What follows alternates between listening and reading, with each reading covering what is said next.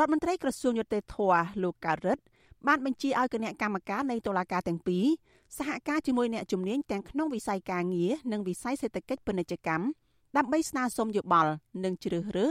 អ្នកជំនាញធ្វើជាទីប្រឹក្សានៃគម្រោងបង្កើតតុលាការទាំងពីរនេះក្នុងសេចក្តីសម្រេចចុះថ្ងៃទី21ខែមករា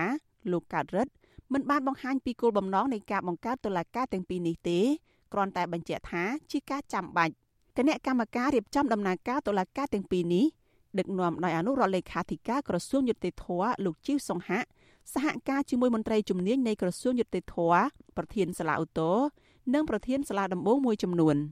អាស៊ីសេរីមិនអាចសុំការបញ្ជាក់បន្ថែមពីអ្នកនាំពាក្យក្រសួងយុតិធធលោកចិនម៉ាលីនបានទេនៅថ្ងៃទី25ខែមករាប៉ុន្តែលោកបានប្រាប់សារព័ត៌មានក្នុងស្រុកថាតាមច្បាប់ស្តីពីការរៀបចំអង្គការតុលាការឆ្នាំ2014 គឺតុលាការពាណិជ្ជកម្មនិងតុលាការការងារត្រូវបានបញ្ចូលទៅក្នុងតុលាការព្រហ្មទណ្ឌនិងតុលាការរដ្ឋបវេនី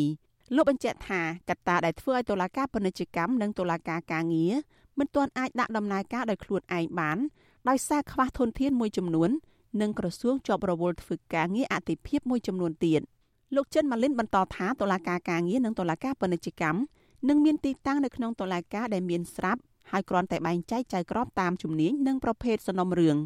លោករំពឹងថាតុលាការទាំងពីរអាចនឹងមានដំណើរការនៅចុងឆ្នាំ2021នេះប្រធានសហភាពការងារកម្ពុជាលោកអាត់ធុនស្វាគមន៍ការបង្កើតតុលាការការងារព្រោះសាលក្រមរបស់តុលាការជំនាញមានប្រសិទ្ធភាពខ្ពស់ជាងសេចក្តីសម្រេចរបស់ក្រុមប្រឹក្សាអាជ្ញាកណ្ដាលតែយ៉ាងណាមេសហជីពរូបនេះមិនទាន់រំពឹងថាតុលាការថ្មី អាចផ្ដល់យុត្តិធម៌ពេញលេញនៅក្នុងវិស័យការងារកម្ពុជាបានទេលោកអាត់ធុនកត់សម្គាល់ថា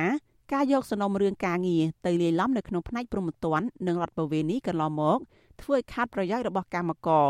លោកជំរុញឲ្យមានរៀបចំសមាជិកភាពចម្រុះគ្រប់ភាគី បានចូលរួមប្រឹក្សាយោបល់នៅក្នុងការសម្រេចសេចក្តីនៅតុលាការការងារតុលាការការងារនេះគឺយើងសូមឲ្យមានលក្ខណៈត្រីភាគីគឺឲ្យមានចៅក្រមទីប្រឹក្សាពីខាងនយោជកនិងខាងកម្មករផងទី2គឺយើងចង់ឲ្យមានរយៈពេលហ្នឹងខ្លីកាត់ក្តីខ្លីហើយអត់បងប្រាក់ហើយមួយទៀតគឺមានយុទ្ធធម៌ហើយនឹងសេវាហ្នឹងក៏ដល់ទៅដល់កន្លែងកម្មករនៅអញ្ចឹងទៅហ្នឹងអ្វីដែលចង់បានចំណែកអ្នកជំនាញផ្នែកសេដ្ឋកិច្ចពាណិជ្ជកម្មពួកគេក៏ស្វាគមន៍ការបង្កើតតុលាការជំនាញ ដើម្បីដោះស្រាយចំនួនពាណិជ្ជកម្មដែរនាយកមជ្ឈមណ្ឌលសិក្សាគោលនយោបាយលោកច័ន្ទសុផលយល់ថាតុលាការពាណិជ្ជកម្មមានសារៈសំខាន់ក្នុងការដើរតួនាទីវិវាទកិច្ចសន្យាវិនិយោគវិវាទរបស់ពាណិជ្ជករនិងការប្រកួតប្រជែងមិនស្មើភាពគ្នាជាដើមអ្នកជំនាញផ្នែកសេដ្ឋកិច្ចរូបនេះឲ្យដឹងថាអង្គការពាណិជ្ជកម្មពិភពលោកបានតម្រូវឲ្យកម្ពុជាបង្កើតតុលាការពាណិជ្ជកម្មនេះយូរមកហើយ លោកពន្យល់ថាតុលាការពាណិជ្ជកម្មមានភាពប្រសើរជាងមជ្ឈត្តការដែលជាស្ថាប័នដោះស្រាយវិវាទធុរកិច្ចក្រៅតុលាការ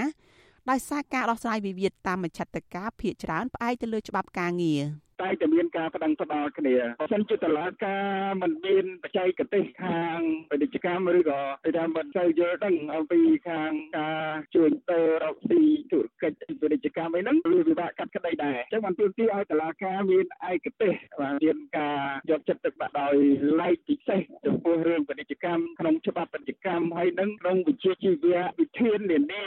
ឬរកស៊ីជួញដូរអីផ្សេងៗហ្នឹងដែលវាពិចារណាមិនមែនជារឿងកុំអត់តនឬរដ្ឋប្រវេណនេះទេបាទវារឿងពាណិជ្ជកម្មរឿងធុរកិច្ចសត្វសមាជិកគណៈមេធាវីលោកសំសង្គមមានប្រសាសន៍ថាការតម្រូវឲ្យបង្កើតតុលាការជំនាញបានចែងនៅក្នុងច្បាប់តែស្ថានភាពជាក់ស្ដែងកម្ពុជាមិនទាន់មានតុលាការជំនាញទេ